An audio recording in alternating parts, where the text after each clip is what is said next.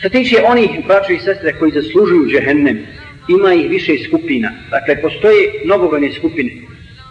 Mušrici, nevjernici, griješnici i tako dalje. Međutim, ima hadisa koji spominju posebno neke skupine između svih tih skupina.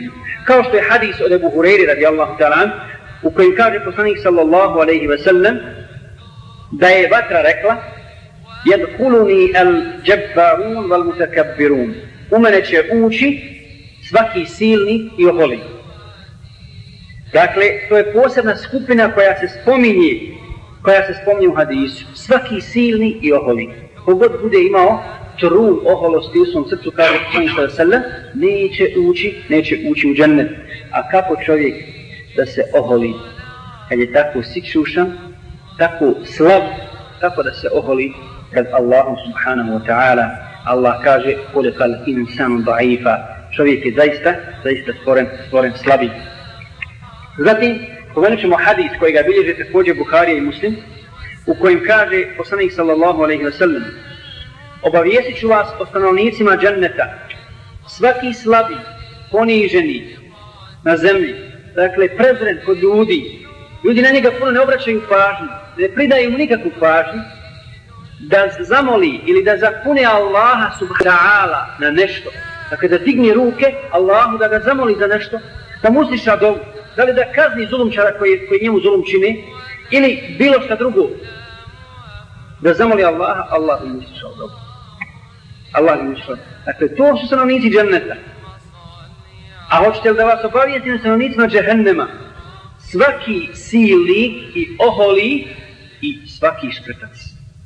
Dakle, koji je gomilao i metak, gomilao i metak, nije ga dijelio, niti, niti je od njega davao ono što je trebao da daje od zekata ili sadaka. Na to kaže Allah subhanahu wa ta'ala, Elejse fi džehenneme mesna mil mutakabiri.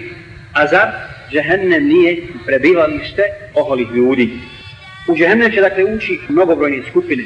U hadisu koji bilježi Buhari od Abu Sejda al-Hudrija, poslanik sallallahu alaihi wa sallam kaže, a reći će Allah o Ademe, pa će Adem reći, odazivam ti se gospodaru, u kojoj ruci je svako dobro. Pa će mu reći Allah subhanahu wa ta'ala, izađi sa stanovnicima džehennema, a ko su oni? Allah će reći, od svake 1999. 999 za džehennem. To će biti onoga dana, kažu mu fasiri, kada dijete osjedi i kada trudnica svoj plod pobaci, kada vidiš ljude pijane, a oni neće biti pijani, već će Allahova kazna žestoka biti. Ashabi su strahovali zbog ovog, zbog ovog hadisa poslanika sallallahu sallam. Prepali su se i pitali su, a ko je od nas, ko će od nas biti taj jedan pojedinac?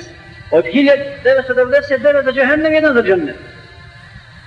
Pa kaže poslanik sallallahu alaihi sallam, šta, šta je rekao? Radujte se. Radujte se. Od jeđuđa i međuđa je hiljadu, a od vas jedan. A od vas jedan, dakle, od tog naroda jeđuđa i međuđa je 1999, a od vas je, od vas je jedan stanovnik vatre. Dok dođe na red jedan iz ummeta Muhammeda sallallahu alaihi wa sallam, ovi će ući 999 u vatru. I tako meno ga uči ruci moja duša, kaže poslanik sallallahu alaihi wa sallam, ja se nadam da ćete vi biti jedna trećina stanovnika dženneta. A zatim je rekao, ja se nadam da ćete vi biti jedna polovina stanovnika dženneta. Jedna polovina stanovnika dženneta, ummet Muhammeda sallallahu. I vi ste u odnosu, nastavlja s.a.v. vi ste u odnosu na druge narode kao bijela dlaka na koži crnog bika. Gledajte, umet Muhammeda s.a.v. Toliko rijetki, toliko malobrojni, toliko malobrojni, kao bijela dlaka na, na, na koži crnog bika. Dakle, to je dokaz da je muslimana malo u odnosu na nevjernike.